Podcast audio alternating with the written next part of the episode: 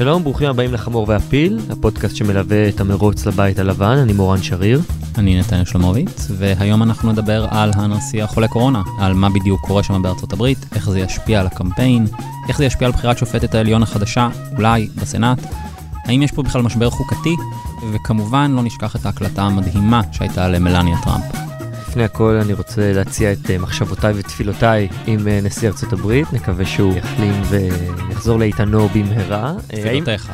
תפילותיי, האם אתה מעוניין להצטרף לתפילותיי, או שאתה מעוניין לשמוח לעד? אני לא מקבל את המסגור של הדיון הזה בתור אתאיסט, אין לי תפילות להציע לאף אחד, אבל אני מודה שזה משאיר אותי קצת קרוע. אני חושב שיש רצון בשמחה לאיד, אני מודה.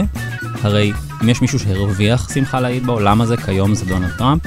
מצד שני, אני לא באמת מאחל לאף אחד למות, אני מאחל לו שיצייץ את עצמו לדעת לנצח בביתו בפלורידה, שם מקומו. יש פה דוגמה מאוד מאוד יפה לגישה של uh, ליברלים או שמאלנים. הם רוצים לשמוח, אפילו לעד, הם רוצים לשמוח והם לא מצליחים, שכבר יש להם הזדמנות. תנסה, תנסה, תנסה. תחשוב על זה, זה ככה. הצד השני לא היה מהסס לרגע. אתה מדמיין את טראמפ מגיב למחלת קורונה של ג'ו ביידן? אני חושב שהוא אדם מאוד אצילי, כן. אבל האיש כבר שוחרר מבית החולים.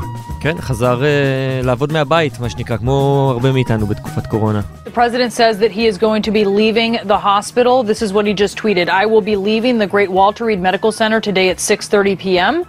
Feeling really good, he said. Don't be afraid of COVID. Don't let it dominate your life.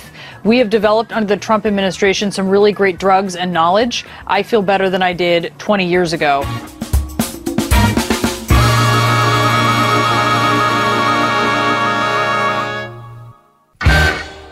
טראמפ, כמו ששמענו, לא מפחד מהקורונה, אבל עבר עליו סוף שבוע די ארוך. זה מתחיל בחשיפה בכלי התקשורת בלומברג, שחשפו את העובדה שהוא חולה בקורונה, כמובן לא הוא חשף את זה, ואז הבית הלבן אה, הודיע שהוא אבחן, מאז היה לנו הרבה מאוד סתירות, הרבה מאוד פרטים שיצאו. רופאים אמרו שמצבו טוב, ואז פתאום התברר שראש סגל הבית הלבן הביע עמדה סותרת וקצת יותר דואגת, ומאז אנחנו לא באמת יודעים מה מצבו המדויק. הוא כן הגיע הביתה, אבל מצד שני בואו נזכור שהוא לא חוזר הביתה כמו שאדם סביר חוזר הביתה, אלא הוא חוזר אל הבית הלבן, ויש לו את כל הצוות הרפואי הזה שממשיך ללוות אותו. בית לבן מאוד מאובזר רפואית, מה שרק uh, הופך את האשפוז שלו בבית חולים למדאיג uh, ומעורר סימני שאלה, כי הבית הלבן עצמו הוא סוג של בית חולים קטן שאמור uh, לטפל בו לא רע. נכון מאוד, ולא עוזר העובדה שיש פה דיסאינפורמציה כמובן שממשיך את הקו של הבית הלבן הזה. מה שאנחנו כן יודעים להגיד כרגע זה ש... הנשיא בעצם צריך להישאר עכשיו עד שהוא יחלים, ואז הוא גם אמור להיות בבידוד, שזה די תוקע לו את הקמפיין בשבועות הקריטיים. אנחנו פחות מחודש לפני הבחירות, אנחנו יודעים על שורה של אנשים שנדבקו סביבו, כמובן אשתו מלניה, הדוברת קיילי מקנני, היועצת הופ היקס, תום טילס, הסנאטור מצפון קרוליינה, הסנאטור מייק קלים מיוטה, ועוד ועוד אנשים, כמובן קליאן קונווי, לא נשכח, שנחשפה על ידי בתה ברשתות. ועצם המחלה הזאת, יש בה משהו מאוד מאוד חריג, זאת אומרת, זה משהו שלא קרה בארצות הברית עדיין. אי פעם שנשיא היה ב... בוא נקרא לזה סכנת חיים, בנגיף כל כך מסוכן, או איזושהי סיטואציה דומה, mm-hmm. ממש לקראת הבחירות. מדברים לא מעט על צדק פואטי, בכך שטראמפ סוג של מכחיש קורונה, ו- ולא קרא לשמור על uh, זהירות, ודווקא הוא חטף את המחלה הזאת, שאפשר להסתכל על זה ככה. בעיניי הצדק הפואטי, שאותי יותר מעניין, זה העובדה שההדבקה הזאת של צמרת הבית הלבן התרחשה כנראה באירוע בגן הוורדים, שבו טראמפ הציג את המינוי החדש שלו לשופטת העליון אימי בארט. ודווקא המינוי הזה לעליון, שאמור להיות הניצחון הגדול אה, של הרפובליקאים, דווקא הוא זה שאולי יגרום לתבוסת טראמפ, ואולי אפילו לחיסול פיזי של צמרת המפלגה הרפובליקאית, אם קצת נגזים ונרשה לעצמנו לפנטז. פה יש איזה, לא יודע אם צדק פואטי, אבל אה, פואטיקה מסוימת, ב... אולי נקרא לזה קרמה, אולי סתם מזל ממש ממש רע. אני מקבל את העמדה של צדק פואטי. עם הסתייגות על המילה פואטי, כי קשה לי לתאר את, המיל... את טראמפ עם המילה פואטי, כי הוא ההפך מזה, כל ציוץ שלו די מדגים את זה. אני מסתכל על זה יותר כבאמת בדימוי אחר, טרגדיה יוונית, ממש תיאטרון, כמו שתיארת, הסצנה הזאת בגן הוורדים של כל הרפובליקאים שבאים לסגוד למלך החדש שהם המליכו על עצמם, שהבטיח להם הרבה דברים, והנה הוא בא גם לקיים, כן? הוא הביא להם את השופטת שהם ביקשו, ועכשיו הם בעצם משלמים את המחיר הזה. צץ לך השטן, ובעצם אה, גורם להם עכשיו לשלם.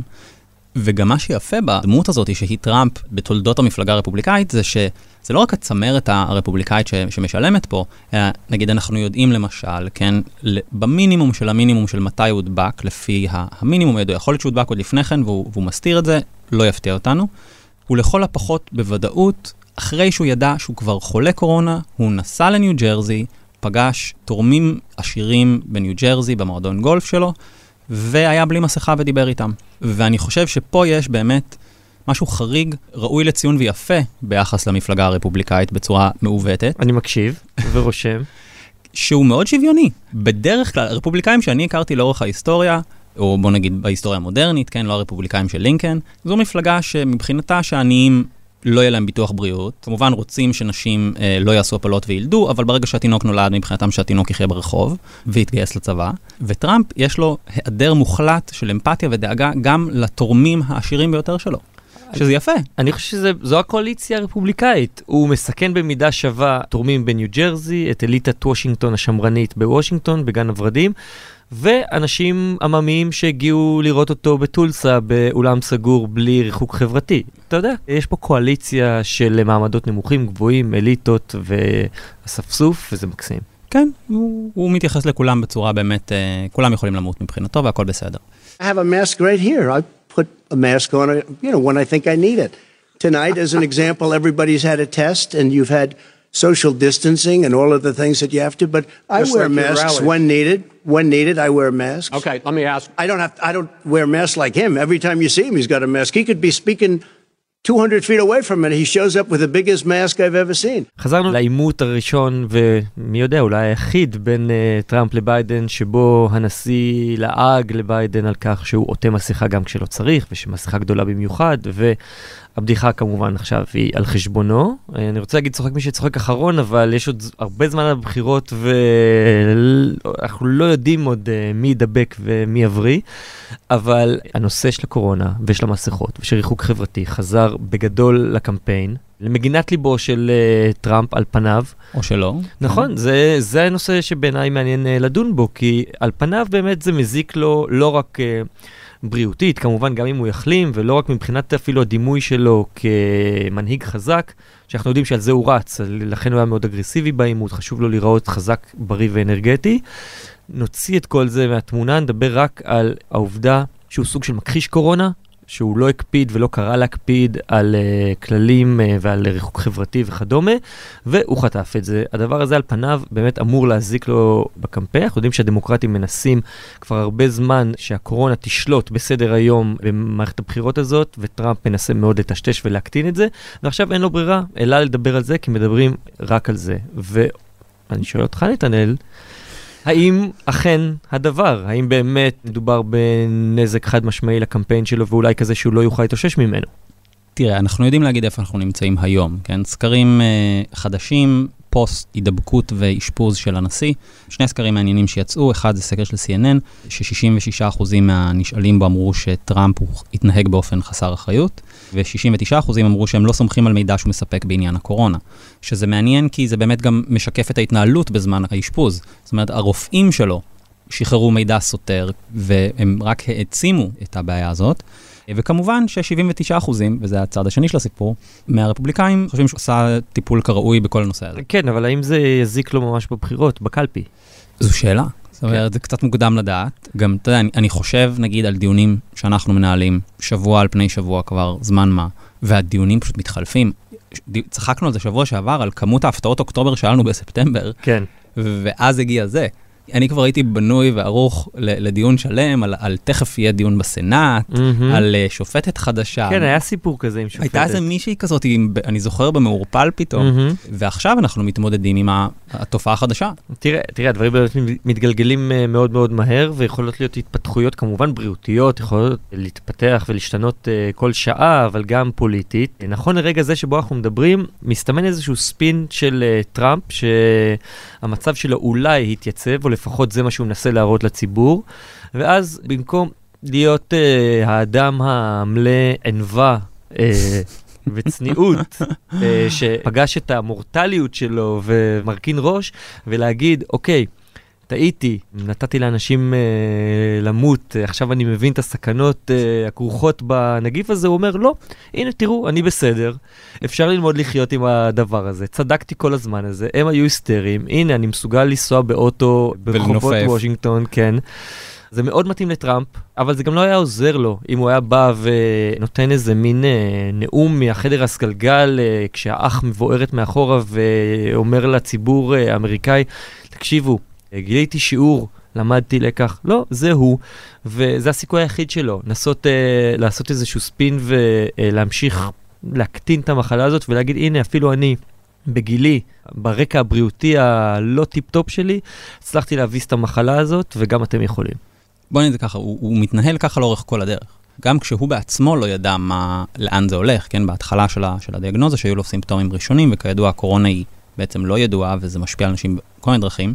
אחד הדיווחים, נגיד, בוושינגטון פוסט, למשל, שדיבר על ההחלטה לפנות אותו לבית החולים וולטר ריד אה, לאשפוז, בעצם היה נעוץ שם החשש שאם המצב שלו יידרדר בבית הלבן, יצטרכו לקח אותו על אלונקה, וזה היה visual שהוא לא הסכים לו. Mm-hmm. הדבר הזה התנהל מהרגע הראשון כמשבר יחסי ציבור, לא משבר בריאותי. זאת אומרת, גם לבריאותו שלו, הוא מוכן לסכן אותה, שאני חושב שגם פה זה מראה איזשהו שוויון בנטל שלו. זאת אומרת, הוא מוכן לסכן את כל העולם, לקחת הימורים גדולים על החיים של כולם, כולל עצמו אפילו, ולו רק כדי שהוא ירגיש סבבה עם עצמו. כל משבר הקורונה נוהל כמשבר ציבור לפני שזה נגע אליו אישית. זה אנחנו יודעים גם מהקלטות וודוורד. אז אני רוצה להגיד להגנתו, אם אפשר לקרוא לזה איזושהי הגנה, כן, אני- ש- אתה שהוא- בתפקיד הפיל היום, אני מתחיל להרגיש. אני חושב שזה, כשאתה מקשיב להגנה שלי, זה לא בדיוק הגנה, כן? הבן, מה שאני טוען זה שהוא שוויוני בניסיון שלו להרוג את כולנו, כולל אותו. הבנתי. אוקיי? אני לא יודע אם זו הגנה.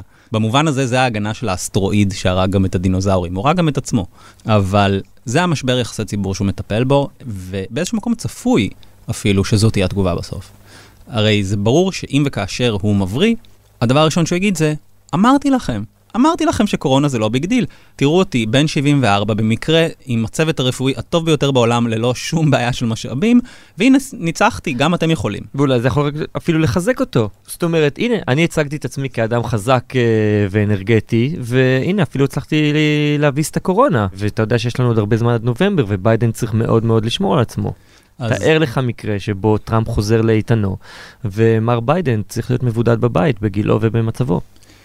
קודם כל הוא כבר מבודד פחות או יותר איזה זמן מה, ובדיעבד גילינו שהוא צדק. הנה, אני חושב שקיבלנו הוכחה לזה. ועכשיו הוא יצא שוב לדרך, ניצל את השבוע שבו טראמפ היה מושבת, ואמר יאללה, בוא ננסה להשיג את הקולות האלה במישיגן.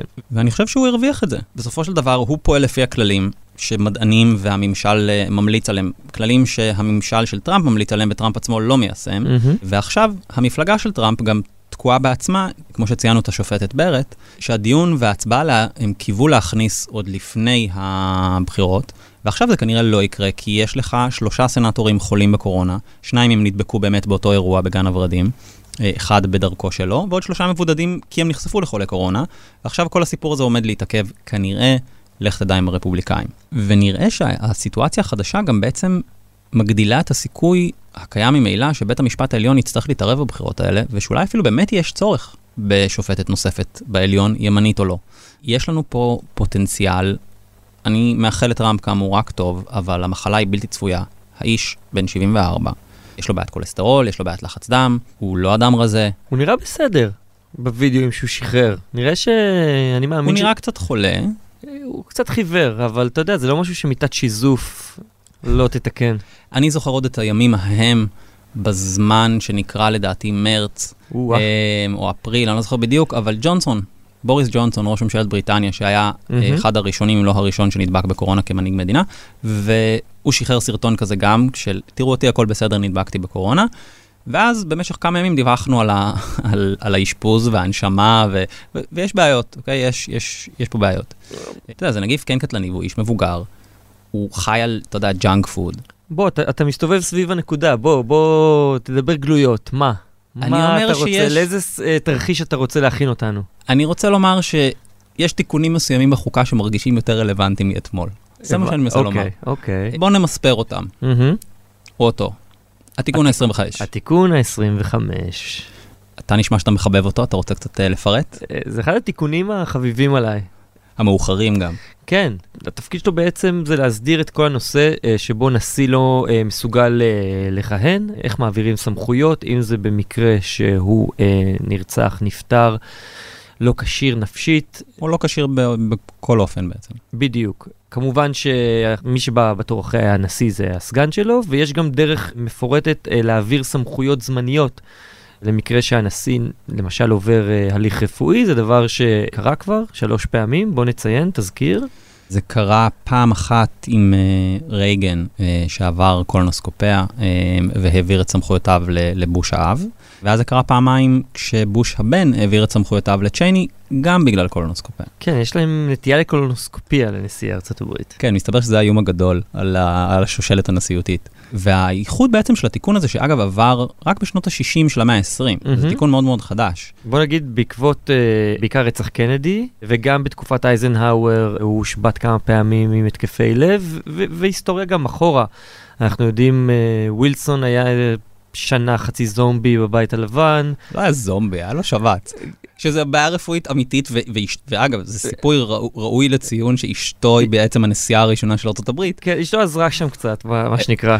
עזרה שם קצת, כן. כן. אוקיי. ג'יימס גרפילד, אחרי שהתנגשו בו, התנגשות קצת אה, צולעת, אז 80 יום הוא גסס בתור נשיא מכהן. תקופה ארוכה היה צורך אה, להסדיר את כל הסיפור הזה של אה, מה קורה שנשיא לא מסוגל לכהן ולתפקד. זה נכון, ואז בעצם הגיע תיקון 25, שיצר שני תרחישים להעברה זמנית, מהמם. שלא הייתה קיימת קודם, אה, של, של מוסד הנשיאות. אחד זה בעצם הנשיא עצמו, כן, לפני ההליך הרפואי גם רייגן וגם בוש הבן, כל אחד מהם חתם על מסמך שהוא מעביר את הנשיאות ואת השליטה למקרה, אתה יודע, תמיד הרוסים יכולים לתקוף, גם היום, להעביר את השליטה ושלא יהיה איזשהו ואקום הנהגתי. ואז הוא שולח מכתב נוסף שאומר בעצם אני בסדר ואני לוקח חזרה את התפקיד. נכון. והאופציה השנייה היא אופציה שבעצם נותנת את הסמכות לסגן הנשיא ולקבינט לאשר בהצבעה שלהם נטילה זמנית של הסמכויות מהנשיא, במקרה שהוא נגיד מקבל גרפילד, איך תיארת את זה בצורה אה, מכבדת? או משתגע. או משתגע, גם ש- אופציה. תרחיש שעלה, ספקולציה שעלתה באיזשהו אופן אצל כל מיני אה, אנשים כשטראמפ רק נבחר, היה איזה מין סצנריו כזה שפנס הולך לגייס חצי מהקבינט ופשוט להדיח כזה, כן. את טראמפ על כך שהוא לא כשיר. כן, היה דיווח כזה, שמעולם לא אומת על ידי מהמם. ה fake news media, אם אני כבר אפיל היום. אבל זה אגב החלק שבאמת רלוונטי לימינו אנו, כן, של טראמפ החולה, זה שהתיקון ה-25 בעצם בא לתקן את, את המשבר המאוד נקודתי שקרה, הטריגר היה, כמו שציינת, קנדי, היו שם משהו כמו 45 דקות שבהן באמת חששו שהרוסים יוכלו לעשות משהו, כי קנדי לא בהכרה ואין נשיא ואין מישהו ש, שיכול להגיד לצבא מה לעשות. אה, וזה היה החלק המטריד בעיני רבים. הפתרון שהם מצאו, ופה טראמפ חורר וחשף עוד חור בחוקה האמריקאית, זה שהתיקון הזה נשען על איזושהי נקודת מוצא, שהנשיא הוא אדם הגון ששם את המדינה לפניו. אוקיי? זה שתי נקודות מוצא Mhm. שטראמפ אה, חשף בערוותן, אוקיי? וזו בעיה, כי הוא לא ימסור את הנשיאות לאף אחד. ובעיה שנייה זה שזה גם לא הניח כמה עמוד השדרה של פנס וחברי הקבינט של טראמפ עשוי מג'לי, ולכן אף אחד מהם בחיים לא יחתום על איזשהו מסמך שמדיח אותו מהנשיאות. זהו, זה לוקח בחשבון שגם אם הוא לא יוותר על הנשיאות, כשהוא לא כשיר, אז אפשר בעצם סוג של הדחה. אה, זמנית. זמנית, הוא יכול אחרי כמה ימים לבוא ולדרוש את נכון. התפקיד חזרה, והם יכולים להגיד, לא, אתה לא מקבל אותו. אין ספק שגם פה יש פוטנציאל למשבר חוקתי. משבר אדיר, כי אה, בסוף בית הנבחרים צריך אה, להצביע על זה. זה נכון, ואני אומר, כל, בעצם כל השיטה הזאת היא בנויה על הנורמות של שנות ה-60. זאת אומרת, היא בנויה על, על נורמות שלטוניות שבהן הנשיא והמפלגה הם כן עצמאיים אחד מהשני, אין איזשהו פולחן אישיות סביב אדם אחד, אין לך מהמם. עבדים נרצעים, שכל הקבינט זה עבדים נרצעים כאלה, ובטח פנס. עכשיו בוא נדבר על עוד תרחיש. אנחנו מדברים על מצב אה, שבו נגיד התנקשו בנשיא, או מאיזושהי סיבה הוא פשוט מת והוא כבר לא איתנו. קורונה זה מצב, אומנם פנס נבדק והוא יצא שלילי. אבל הוא מחליף את טראמפ בדרכים והוא ממשיך את הקמפיין שלו בעצם במקומו והוא עושה הצהרות בכל הארץ. הוא חשוף לקורונה ויכול להיות מצב תיאורטי שבו גם הנשיא וגם הסגן שלו חולים ואולי ולא הם כשירים. לא כשירים, אולי הם ימותו, חלילה, ואז מה קורה?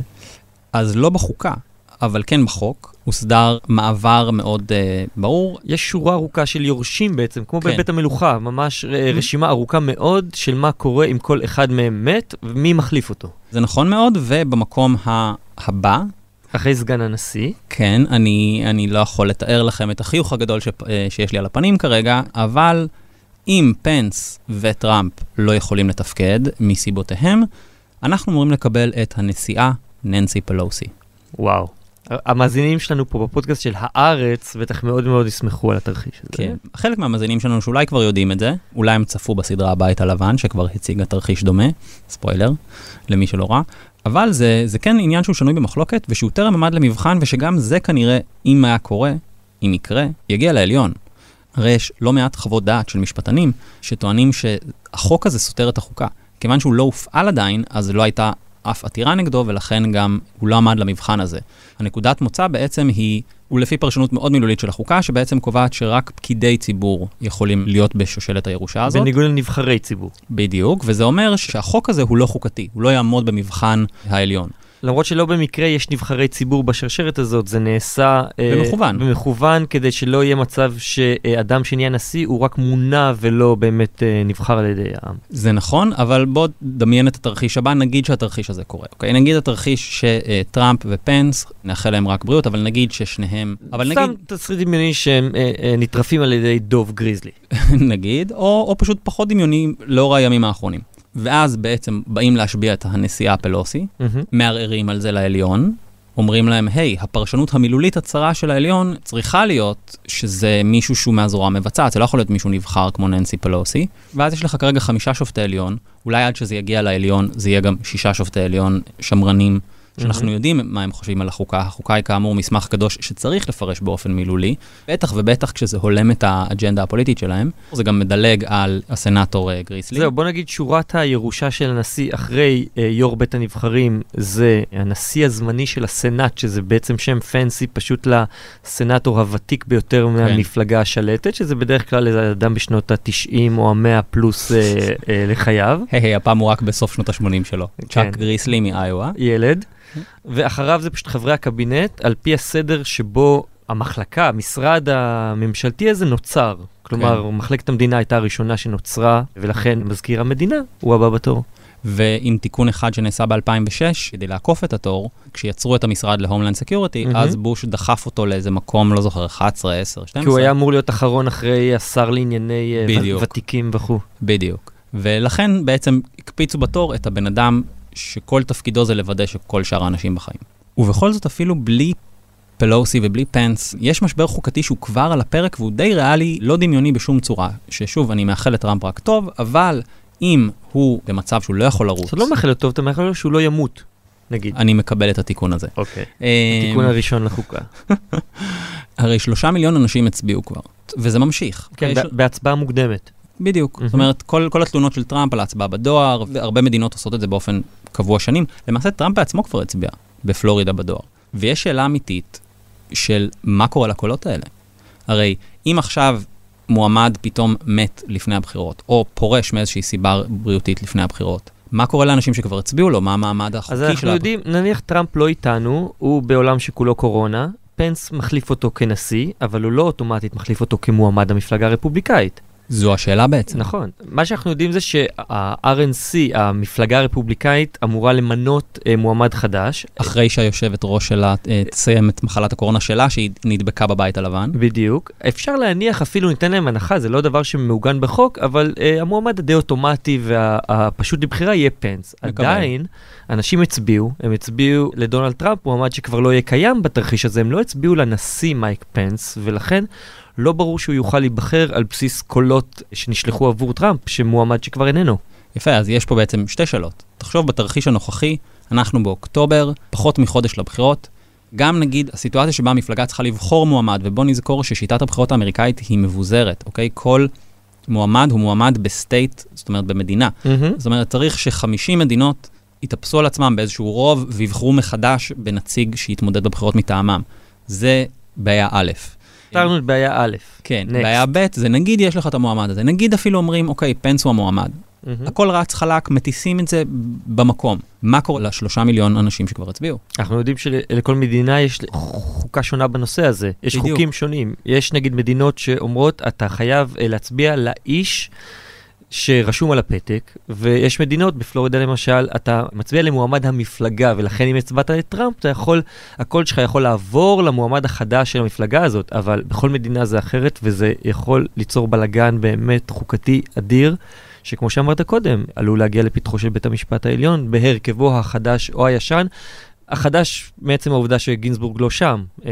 Uh, זה לא נראה טוב לדמוקרטים בכל מקרה, וגם לא לסדר הכללי של הדמוקרטיה. באופן כללי אני חושב שיש פה אינטרס ארוך טווח דמוקרטי של כל הגורמים המעורבים, שטראמפ ירוץ בבחירות, זה הזוי לציין, אבל זה המצב, כי אחרת המשבר החוקתי והכאוס שיבוא אחריו, והריאקציה שיכולה לבוא אחריו, זה באמת פחד אלוהים. קשה לדמיין. ממש. ובנימה הפוכה, mm-hmm.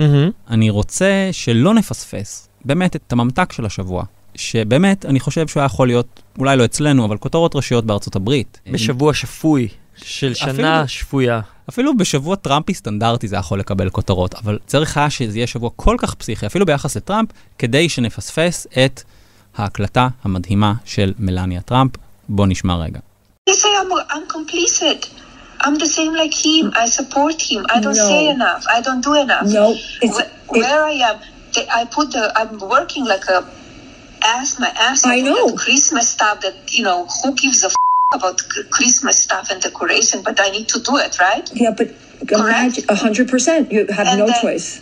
And okay, and then I do it, and I say that I'm working on Christmas, uh, planning for the Christmas, and they said, "Oh, what about the children that they were separated? Give me שמענו את הגברת הראשונה של ארצות הברית, גברת מלניה טראמפ, חיובית לקורונה נציין, אבל לא בזמן שהיא אמרה את זה. שלילית מק... ל Christmas. בדיוק, מקטרת על Christmas. כמו אני חושב, בוא, אה, אני בטוח שיש הרבה גברות ראשונות בתולדות הבית הלבן שקיטרו על הניג'וס הזה של אה, לארח ילדים ל Christmas. היא אבל כל כך לא קשורה למסורת הפוליטית ולמערכת הפוליטית, שנראה שהיא בכלל לא מבינה מה הדבר הזה. הייתה אמורה להיות אשת איל הון, לשבת בבית ולעשות קניות, והיא צריכה לעבוד בג'וב כפוי הטובה והמנג'ס הזה. תראה, האמת היא שפה אני באמת עם מלא חמלה למלניה, היא מגיבה בעיניי כמו שבן אדם שפוי אמור להגיב לתפקיד הגברת הראשונה. כן. אם אני הייתי צריך לעשות את העבודה הזאת, הייתי מתחרפן כמוה, והייתי גם מת, מתלונן על fucking Christmas stuff. זה כמו לקטר על החגים, כולנו עושים את זה. כן, ויש לה גם קיטורים שהם דווקא מרגישים יותר מקומיים לישראל, הייתי אומר, על התלונה המרכזית שלה שהתקשורת השמאלנית לא משדרת את האייטמים האלה על Christmas, אבל יש לה בכל זאת איזה פוקס ניוז, שכן מוכן לשדר, אבל מי רוצה פוקס ניוז? אתה יודע, זה כזה... זה כמו אייטם בישראל היום. זה כמו ערוץ 20. כן, שתי הקבלות נראה לי במקום.